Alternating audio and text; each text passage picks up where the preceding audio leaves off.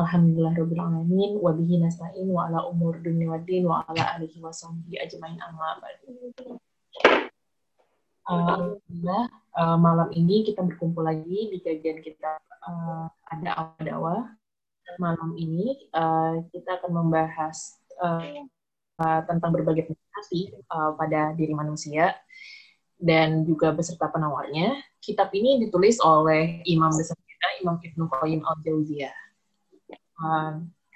dan uh, kemarin uh, di pertemuan terakhir kita uh, membahas tentang kita membahas tentang uh, dampak pendosa, dampak maksiat uh, terhadap manusia itu sendiri. Oke, okay, baik. Uh, mungkin langsung saya kasih aja ke Ustadz Faisal Sendani. Silahkan Ustadz, waktunya untuk antum. Oke, okay. Bismillahirrahmanirrahim. Terima kasih, Inkan. بسم الله الرحمن الرحيم الحمد لله رب نحمده ونستعينه ونستغفره ونستهديه ونعوذ بالله من شرور أنفسنا ومن سيئات أعمالنا من يهدي الله فلا مضل له ومن يضلله فلا هادي له أشهد أن لا إله إلا الله وحده لا شريك له أشهد أن محمدا عبده ورسوله رب اشرح لي ويسر لي أمري واحلل عقدة من لساني يفقه قولي Alhamdulillah segala puji bagi Allah. Salam kepada Allah. Terima kasih kepada kawan-kawan yang sudah hadir pada kesempatan malam hari ini. Insya Allah kita akan teruskan kita uh, yang yang apa yang telah kita pelajari minggu lalu. Jadi pekan lalu kita masih membicarakan masalah uh, dampak maksiat dan dosa uh, dalam kehidupan manusia. dan pada minggu lalu atau pada pekan lalu kita berhenti pada pembahasan tentang uh, rasa cemburu ya. Rasa cemburu tolgi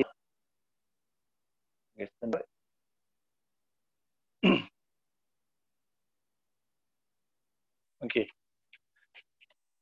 Jadi ini ini maaf ini uh, apa handphone saya saja yang yang atau semuanya ini gimana ini? Apakah bisa didengar? Halo?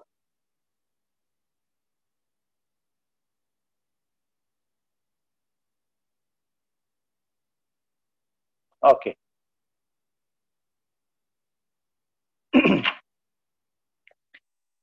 Oke, okay, uh, eh, pekan lalu kita bicara tentang masalah uh, tentang tentang apa namanya dampak daripada dosa dan maksiat, ya yaitu tentang rasa cemburu atau ghairah. Dan hadis-hadis Rasulullah Shallallahu Alaihi Wasallam menyebutkan lebih daripada hadis Rasulullah Shallallahu Alaihi Wasallam menyebutkan tentang uh, sifat buru itu sendiri, uh, yang mana Rasulullah Shallallahu Alaihi Wasallam klaim atau mengaku atau memberi satu uh, apa namanya satu uh, pernyataan bahwa tidak ada yang cemburu dibandingkan Allah Shallallahu Alaihi Wasallam. Rasulullah bersabda, tidak ada yang lebih cemburu Rasulullah Shallallahu Alaihi Wasallam dan ada ada lagi yang lebih cemburu dibandingkan Rasulullah Shallallahu Alaihi Wasallam yaitu siapa? Yaitu Allah Subhanahu Wa Taala sendiri. Dan Ibnu Qayyim Jauziyah memberikan satu keterangan tentang bahwa ada beberapa dosa maksiat yang memang ya datang atas dasar keburuan ya dari Allah Subhanahu wa taala. Di antaranya apa? Di antaranya adalah al-hawa al-fawash yaitu kejahatan-kejahatan. Lihat maksiat yang berhubungan dengan apa? Uh, permatan seorang yang berhubungan dengan seksual seorang itu disebut sebagai al al-fawahish. Minha batan yang nampak dan yang tidak nampak. Ya kemudian uh, kemarin juga kita kita membahas tentang ada tiga jenis manusia dalam mempunyai rasa cemburu itu sendiri. Yang pertama adalah orang yang cemburu tak. Ya, ini ini diberikan satu uh, kritik oleh Ibnu Qayyim al-Jauziyah ya tentang orang yang cemburu tak di mana cemburu buta adalah ketika seseorang cemburu tanpa adanya dalil, tanpa adanya satu bukti, ya. Bukti bahwa sesuatu pekerjaan layak untuk dicemburui. Yaitu oleh Qayyim al-Jauziyah dikatakan sebagai cemburu yang tanpa uzur ya. Kemudian yang kedua adalah ada orang yang yang memang dihapuskan di hatinya rasa cemburu sekali tidak ada cemburu sama sekali. Jadi banyak uzurnya di cemburunya. Jadi apabila terjadi kesalahan, terjadi fahisyah, ya, terjadi satu dosa maksiat yang berhubungan dengan fawahish, dengan fahisyah dilakukan seseorang atas keluarganya, ya, atas keluarganya, uh, dia menjustifikasi tidak habis justifikasi yang dia lakukan. Ya, tidak habis justifikasi dia lakukan pada akhirnya membenarkan toleransi yang dilakukan oleh keluarganya. Dalam hal ini orang tidak mempunyai rasa cemburu sama sekali. Dan yang ketiga ini yang rekomendasikan baik dari rasa cemburu adalah rasa cemburu yang dibarengi dengan uzur. Ya, rasa cemburu dibarengi dengan uzur. Itu yang disebut oleh Imam Ibnu Qayyim al-Jauziyah ya, rasa cemburu yang dirikan dengan dengan alasan. Ya, karena Subhanahu wa taala sendiri mencintai alasan. Ya Allah Subhanahu wa taala sendiri memberikan alasan kepada hambanya. Ya, untuk itulah Allah Subhanahu wa taala mengirimkan apa mengutus para rasul dan mengirimkan kitab-kitab karena agar sempurna bagi hambanya itu uzur ya bagi agar agar sempurna bagi hambanya itu alasan ya kenapa dia berbuat ini kenapa dia berbuat itu kenapa dia tidak melakukan ini dan itu Rasulullah Allah Subhanahu wa taala mengirimkan apa mengutus para rasul dan mengirimkan kitab-kitab oke okay. nah uh, yang kita berhenti minggu itulah dari tiga bagian itu yang kita akhir dari pembicaraan kita pekan lalu ya ya pekan lalu dalam halan 100 58 eh. uh, 161 oke kita dalaman 161 ya 161 kita juga minggu lalu kita apa namanya meringkas ya uh, tentang konsep yang diberikan oleh Ibrahim Qayyim Jauziyah ya atau atau apa yang Qayyim Jauziyah sudah ringkas dari hadis hadis Rasulullah SAW dari ayat tafsiran tafsiran hadis-hadis Rasulullah SAW yang beliau ringkas ya menjadi satu apa menjadi uh, satu tingkatan tingkatan dari dari dari maksiat dan dosa ya dari tingkatan tingkatan dari maksiat dan dosa Uh, yang pertama Ibnu Qayyim al-Jauziyah menyebutkan bahwa tingkatan pertama dari seseorang berbuat dosa adalah apa? Bisikan hati. Yang pertama ada bisikan hati. Kemudian dari bisikan hati menjadi iradah atau kehendak. Ya, dari kehendak kemudian akan menjadi azimah atau tekad. Dari azimah kemudian menjadi apa? Menjadi fi'lah atau perbuatan. Dari fi'lah kemudian apabila apa? Apabila perbuatan-perbuatan itu terus di, dilakukan oleh seseorang maka perbuatan-perbuatan itu akan berubah menjadi menjadi sifat karakter seseorang yang permanen. Ya. Kalau dia suka mencuri menjadi pencuri. Kalau dia suka berbuah hisya penzina jadi berzina jadi menjadi menjadi penzina atau yang paling yang paling sering ada orang yang suka berbohong berbohong setiap hari, maka dia menjadi satu karakter yang permanen sebagai seorang yang bohong, penipu, dan lain sebagainya. Itulah. Nah, eh, ketika seseorang sudah ada tahap itu, maka pelaku maksiat tersebut mampu keluar darinya. Untuk itulah ini satu peringatan bagi kita bahwa kalau kita ada dalam tahap ya, maka keluarlah dari tahap itu. Karena ya masih irodah berarti apa? Berarti masih belum dihap oleh Allah Subhanahu wa taala. Ya karena Allah Subhanahu wa taala tidak akan menghisap pekerjaan sampai pekerjaan itu dilakukan atau perkataan itu diucapkan. Apabila apa apabila dosa yang dilakukan adalah dosa yang keluar dari lisan ya, maka seorang sudah dihisap oleh Allah Subhanahu wa taala jika dia mengucapkan apa yang sepatutnya dia, dia tidak ucapkan. Ya Allah Subhanahu wa taala kemudian menghukum dia omongan yang dia sepatutnya tidak omongan. Contohnya menggibahi seseorang. Atau namanya uh, atau mencela seseorang. Atau atau meng, apa namanya me, me, membuat apa mengeluarkan perkataan-perkataan yang kotor ya. Uh, itu itu di, dihisap oleh Allah Subhanahu wa taala ketika sudah sampai apa tingkat yang ketiga. Karena ada tiga tingkatan tadi. Jadi apabila kita yang pertama bisikan hati untuk berbuat kedua apa iradah kemudian ketiga azmah keempat baru fi'lah nah ketika masih masih bisikan hati, kemudian keinginan, kemudian azimah, ya kita masih bisa berhenti di azimah ini sendiri. Ya. Nah, tapi ketika sudah jadi fi'al sangat sulit untuk untuk dihentikan. Ya, Rasulullah SAW bersabda bahwa apa? Bahwa seseorang ya terus berbohong berbohong berbohong berbohong sampai yuktabu indallahi kadzaban. Sehingga dia dilabelkan oleh Allah Subhanahu wa taala sebagai orang yang punya sifat apa? Pembohong kadzab. Ya. Jadi jadi begitu pula di dosa-dosa yang lain. Ya. Penzina atau uh, pembunuh atau pencuri dan lain sebagainya. Uh, ketika dia suka kemudian dia uh, menemukan kesenangan melakukan perbuatan tersebut, apa yang dia lakukan? Dia terus mengulang, ulang, ulang, ulang, ulang sehingga menjadi sifatun lazimah, sifat yang melekat pada diri seseorang itu. Nah, itu bahaya apa? Bahayanya maksiat dan dosa. Jadi apabila seorang sudah terasa dengan maksiat dosa, maka jangan sampai maksiat dan dosa itu menjadi apa? Menjadi sifat lazimah atau sifat yang menempel pada pada seseorang. Oke. Ini di halaman 100 61 Ibnu Qayyim Jauziyah 161 ini di 160 kan? Imam Qayyim Jauziyah mengatakan paragraf akhir ya.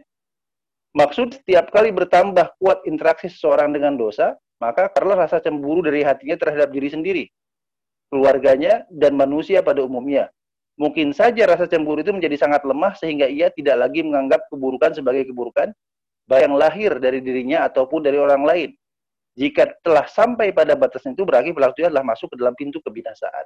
Jadi eh, apa namanya rasa resistensi yang pertama kali dilakukan oleh seseorang sebelum berbuat dosa itu adalah rasa cemburu itu tadi yang bisa apa? Yang bisa mengikis bisikan hati, ya. Dan rasa itu juga bisa mengikis apa? Irodah, keinginan. Dan sebelum irodah itu sampai kepada azimah, itu sudah dikikis oleh apa? Oleh rasa cemburu tadi. Nah, tetapi kalau rasa cemburunya sudah hilang, rasa cemburunya sudah dikeluarkan dari hatinya karena banyaknya dosa yang dia lakukan, maka tidak ada lagi filter. Ya? Maka tidak lagi lagi filter. Kemudian Imam Qayyim yang bahwa banyak aku maksiat yang tidak hanya sebatas menganggap keburukan sebagai keburukan, bahkan mereka memperindah kekejian dan kezaliman untuk orang lain menghiasinya, menyerukan kepadanya, menganjurkannya dan berusaha agar orang lain mendapatkannya. Ya. Ini ini kalau kita lihat pertama level level terkecil dari sebuah sebuah hilangnya rasa cemburu dari hati seseorang ya cemburu dalam agama hati seseorang adalah apa? Adalah satu bentuk toleransi kepada kesehatan itu itu yang paling apa? Yang paling rendah. Kemudian naik pada toleransi kepada maksiatan ya uh, kemudian apa? Kemudian toleransinya hilang, ya. Jadi dia menganggap ke kejahatan itu sebagai satu maksiat itu sebagai keburukan. Naik ya levelnya. Bahwa oke, okay, itu bukan keburukan, itu bukan dosa. Ya. Itu cuma orang ngomong aja kok disebut sah. Ya, ngomong orang lain yang tidak yang yang memang betul kok disebut dosa. Padahal itu gimana?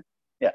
Kemudian naik ke situ diperindah, diperindah, diperindah lagi, ya.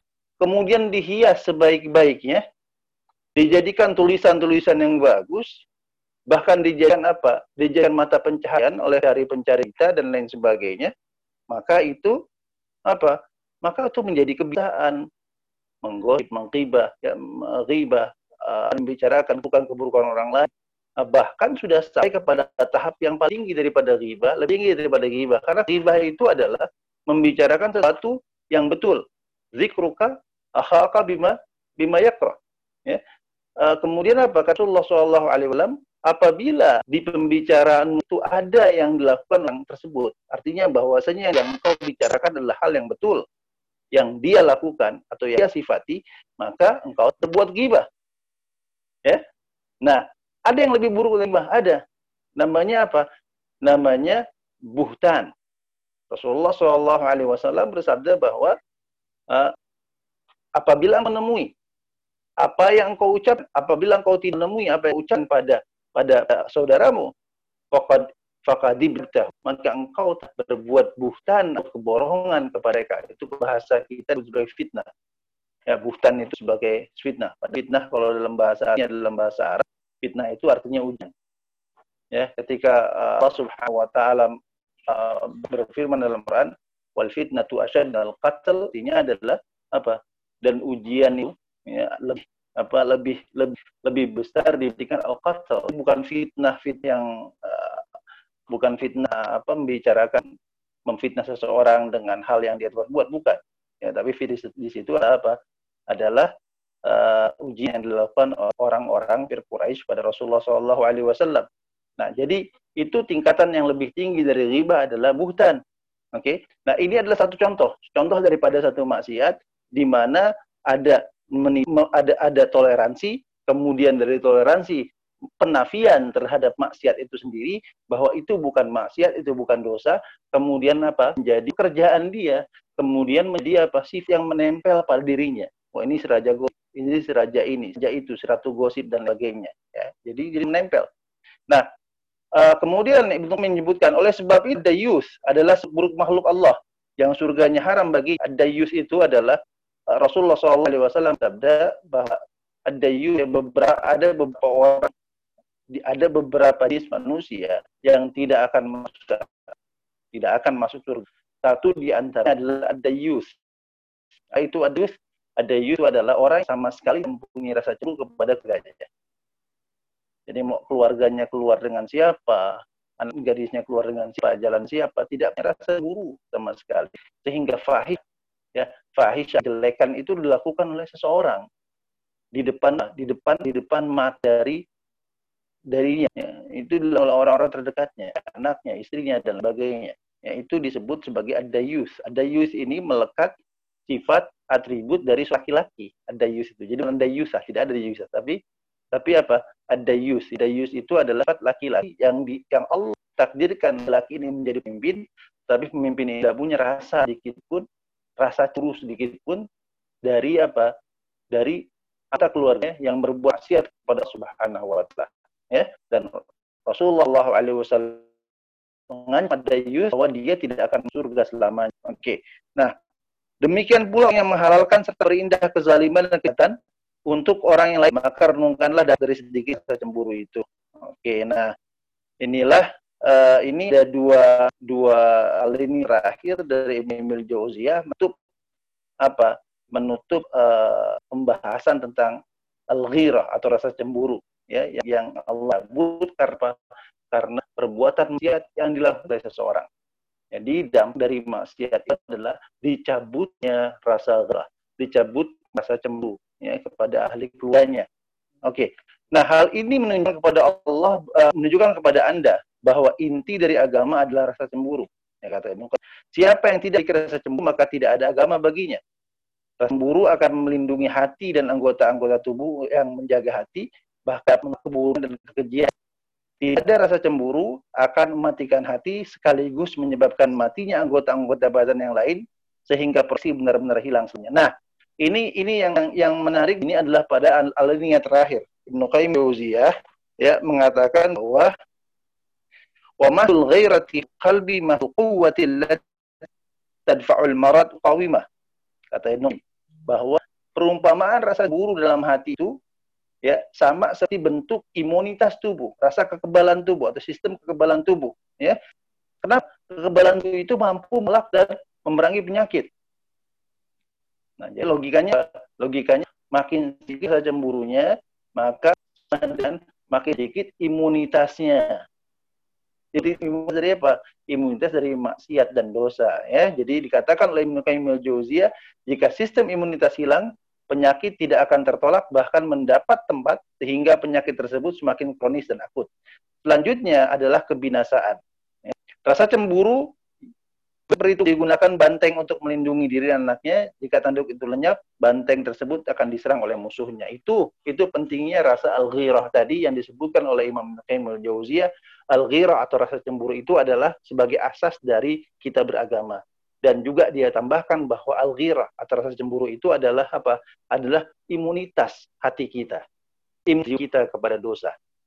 Yakin banyak rasa cemburu kita, makin banyak ghirah kita kepada agama, maka apa yang terjadi? Yang terjadi adalah makin jauh kita dari dosa, makin jauh kita dari maksiat, dan makin terlindung kita dari perbuatan-perbuatan tercela. Ya, makin sedikit dan makin menitis imunitas badan kita, ya, imunitas jiwa kita, yang dilindungi oleh sifat gairah itu sendiri, maka makin buka pertahanan kita dan makin rentan kita terserang oleh penyakit-penyakit hati. Ya, dari dosa dan maksiat. Nah, dia rumah juga diumpamakan oleh Ibnu Qayyim al-Jauziyah itu bagaikan kenapa? Bagaikan uh, uh, tanduk ya, tanduk dari tanduk dari banteng. Tanduknya banteng Allah ciptakan untuk melindungi diri dan anaknya. Makin kecil tanduknya, ya makin rentan musuhnya. Makin besar tanduknya, maka itu makin terlindung dia dari bahaya yang mengancam dia. Nah, jadi uh, itu yang disebut oleh Ibnu Qayyim al-Jauziyah tentang pentingnya ghairah atau rasa cemburu. Ya, cemburu ini bisa terkikis dari hati kita apabila kita banyak berbuat dosa dan maksiat kepada Allah Subhanahu wa taala. Nah, kemudian di nomor 23 ya, uh, dampak dari maksiat yang lain adalah tudhibul haya ya wa dan dari dan rasa malu. Ini juga ya, sampai itu hilang karena banyaknya apa? Banyaknya dosa dan maksiat. Kalau kita lihat sekarang, kenapa makin banyak orang tidak tidak tidak punya rasa malu? Kenapa? Karena yang makin hari semakin banyak. Lalu itu apa? Rasa malu itu sudah sudah sudah sudah hilang dari dirinya, ya. Nah, uh, Imam Ibnu Qayyim al-Jauziyah mengatakan bahwa jadi al-haya itu sendiri, rasa malu itu sendiri merupakan sumber kehidupan hati. Ya, madatu hayatil qalb. Jadi sumber kehidupan hati itu adalah apa? Adalah al-haya. Wa huwa aslu kulli khairin wa dhihabuhu dhihabul khairi ajma'ah. Ibnu Qayyim al-Jauziyah mengatakan bahwa al-haya atau rasa malu itu adalah apa? Aslu kulli khairin adalah asal dari semua kebaikan yang Allah ciptakan di dunia ini. Nah, apabila rasa malu itu tinggi, kebaikannya makin tinggi. Apabila rasa malu itu hilang dari seseorang, maka al khairu kulluhu zahab. Maka kebaikan seseorang itu semuanya pergi dari orang tersebut. Tidak ada kebaikan dari orang tersebut. Nah, ini uh, hadis yang sahih dari Rasulullah SAW. Rasulullah SAW bersabda, al-haya'u khairun kulluhu. Bahwa ya, uh, rasa haya, rasa malu itu apa? Khairun kulluhu. Semuanya baik. Semuanya baik. Ya, kemudian waqala inna mimma adraka an-nas min kalamin nubuwatil ula idza lam tahi fasna ma syi'at. Ya, ini hadis yang sangat masyhur. Uh, adraka an-nas min kalamin nubuwatil ula idza lastahi fasma syi'at. Nah, sesungguhnya termasuk yang pernah diketahui oleh Musa dari ucapan kenabian yang pertama adalah apa? Adalah idza tasahi fasna ma syi'at. Apabila engkau tidak malu, maka fasna ma syi'ta, maka berbuatlah sesuka hatimu. Sekali termasuk hadis sangat besar sekali ya, asal dari agama ini ya satu fondasi yang penting untuk kita resmi. Rasulullah SAW ketika nanya tentang agama selalu dilakukan apa? Is'al dhamir, ya tanya di hati nuran sendiri. Nah ini juga sebetulnya ada satu ada satu statement dari Rasulullah SAW ya, bahwa kita harus berpikir ya, berpikir apa yang dikatakan Rasulullah SAW ya bahwa apa bahwa maksiatan itu ya, kesiat itu banyak maksiat-maksiat yang dilakukan oleh orang itu adalah sesuatu hal yang seharusnya kita malu untuk mengerjakannya. Ya, maksiat, maksiat dosa-dosa ya, itu seharusnya itu ada poin-poin yang harus kita malui. Jadi kita harus malu untuk melakukan apa dosa-dosa tersebut. Jadi Rasulullah SAW bersabda, ya, kalau engkau ingin apa kalau kita ingin menghindari ya, menghindari dosa-dosa, maka Rasulullah SAW membagi satu tips yang sangat jelas, ya, walaupun beberapa interaksi, yaitu idza tastahi fasna. Apabila engkau tidak malu, maka berbuatlah. Kalau enggak gitu loh. Kita kan kalau orang berbuat, ayo kalau enggak malu, gitu kan. Nah, Allah bersabda, idza tastahi fasna syi'ta. Apabila kau tidak malu, maka berbuatlah sesuatu. Nah, hadis ini punya dua penafsiran. Ya, penafsiran yang pertama, ini disebutkan oleh Ibnu Qayyim Jauziyah ini tahdid wa'id ya Ini adalah tahdid wal wa'id. Ini adalah ancaman untuk menakuti. Ancam untuk menakut-nakuti orang yang tidak punya rasa malu gitu loh. Ya kan? Uh, uh, jadi jadi seakan-akan Rasulullah Shallallahu Alaihi Wasallam berkata begini, apabila ya fa illam wa man lam yahi fa inna sta'ma sya'a min qaba'ih ilhamil alarkiha al hayy seakan-akan Rasulullah Alaihi Wasallam memberikan satu pun bahwa tidak lu ya apa dia akan bersuka dia dari hal yang jelek dan buruk. Kenapa? Karena yang mencegah seseorang untuk berbuat dari sesuatu yang jelek dan buruk adalah al-haya, adalah rasa malu itu sendiri. Nah, untuk itu Rasulullah SAW uh, mengatakan bahwa apa engkau nggak mau maka berbuatlah sesuka hatimu. Nah itu dia ya. Jadi uh, jadi faktor pem pendorong untuk apa? Untuk meninggal perbuatan bukan rasa malu kepada siapa? Malu kepada Allah. Ya, paling tidak malu kepada orang sekitarmu. Nah, untuk itulah Rasulullah alaihi wasallam bersabda la yadul la la kullu apa Rasulullah mu'afa ila al-jahiru bahwa semuanya itu seorang itu ada diampuni oleh Allah Subhanahu wa taala kecuali al-mujahirun kecuali orang yang apa? Yang terangan berdosa. Kenapa? Karena terangan berdosa berarti nggak punya rasa malu lagi kita. Itu. Ya, jadi Rasulullah Shallallahu Alaihi Wasallam apa berkata bahwa idza lam tahifa nama fasnasyita ada dua penafsiran penafsiran yang pertama ini adalah berfungsi sebagai tahdid wal wa'id, yaitu sebagai fungsinya menakuti dan semacamnya. Nah, ini adalah tafsiran Nah, kemudian tafsir kedua, tafsiran yang kedua, oke. Okay.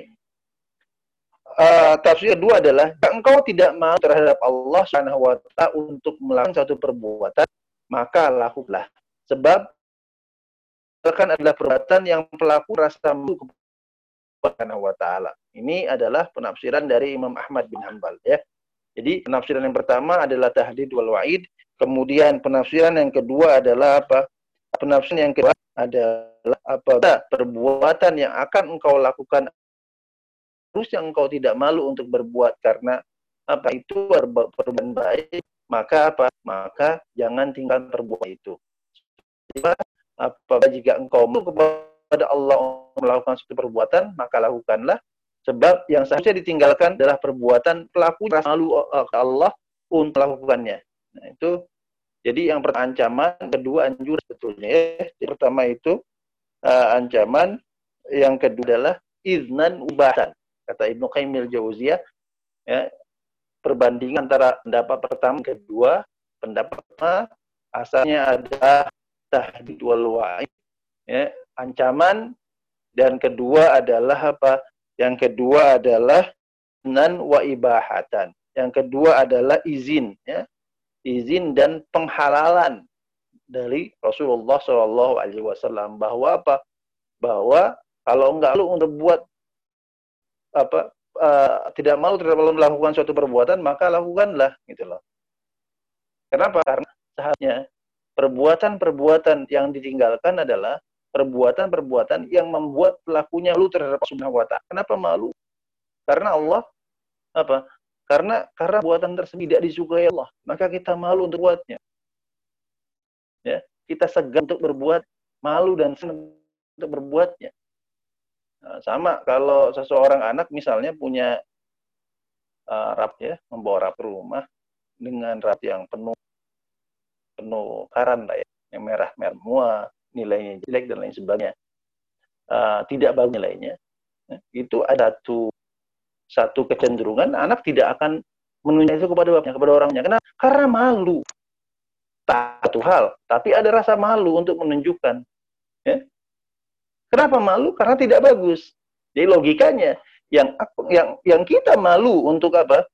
Untuk untuk memperlihatkan kepada kepada orang yang kita uh, kita cintai ya kepada orang yang kita cintai, kepada orang yang kita sayangi adalah sesuatu yang baik.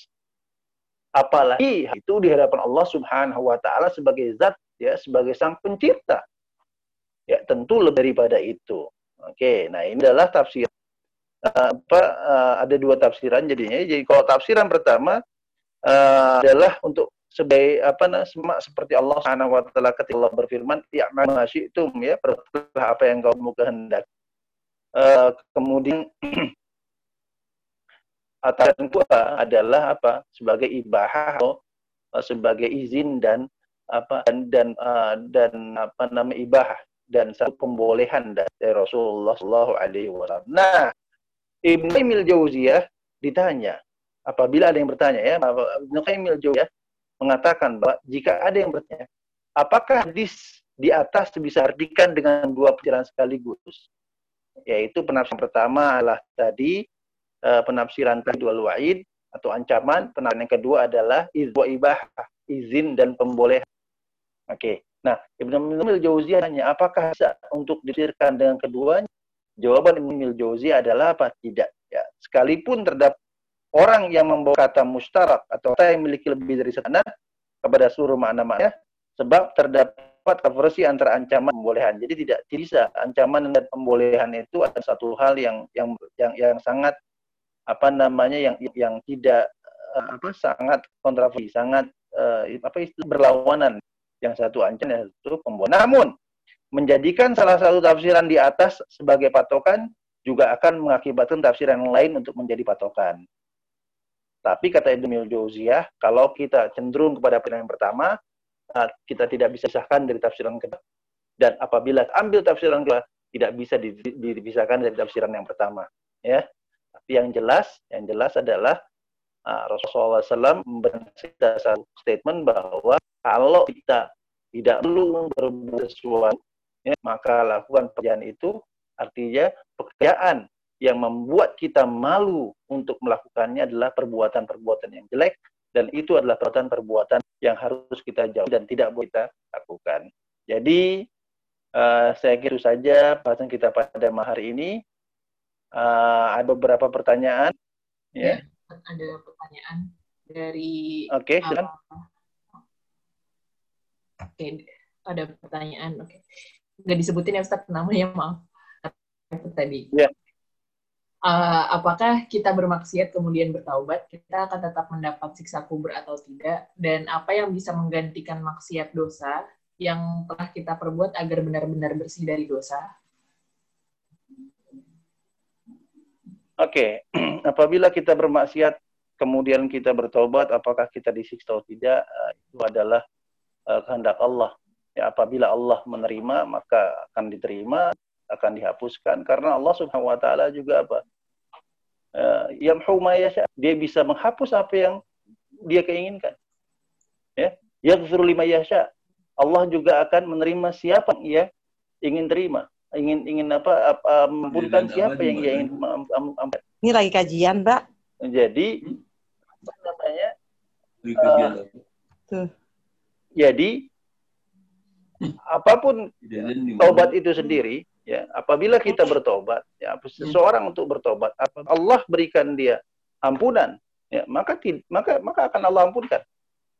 Tetapi semua adalah apa haknya Allah Subhanahu wa taala diampunkan atau diampunkan apabila sudah diampunkan maka tidak akan sering kubur insyaallah. Ya?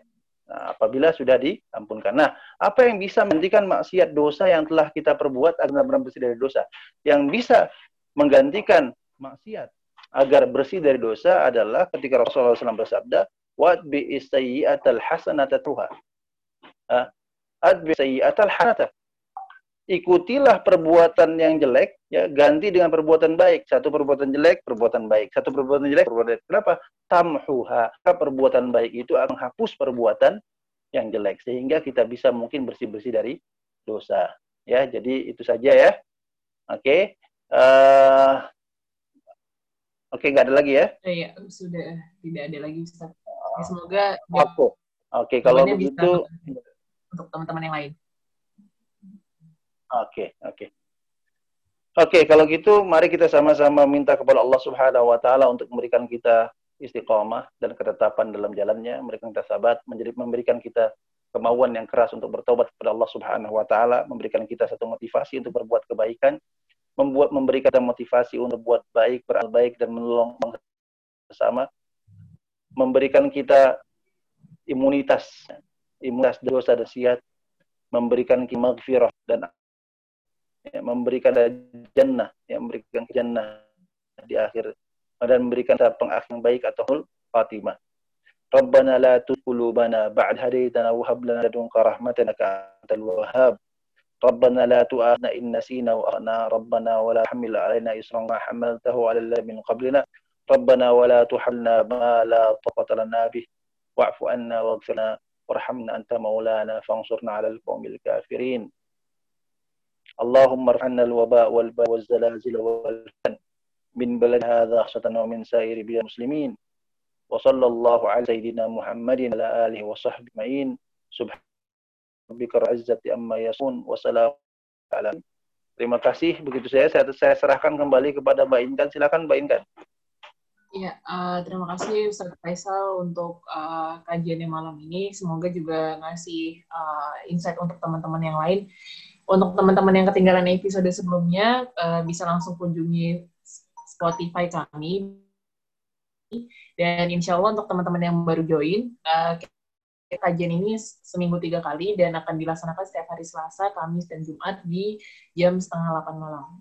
Terima kasih teman-teman. Syukron. Wassalamualaikum warahmatullahi wabarakatuh. Waalaikumsalam warahmatullahi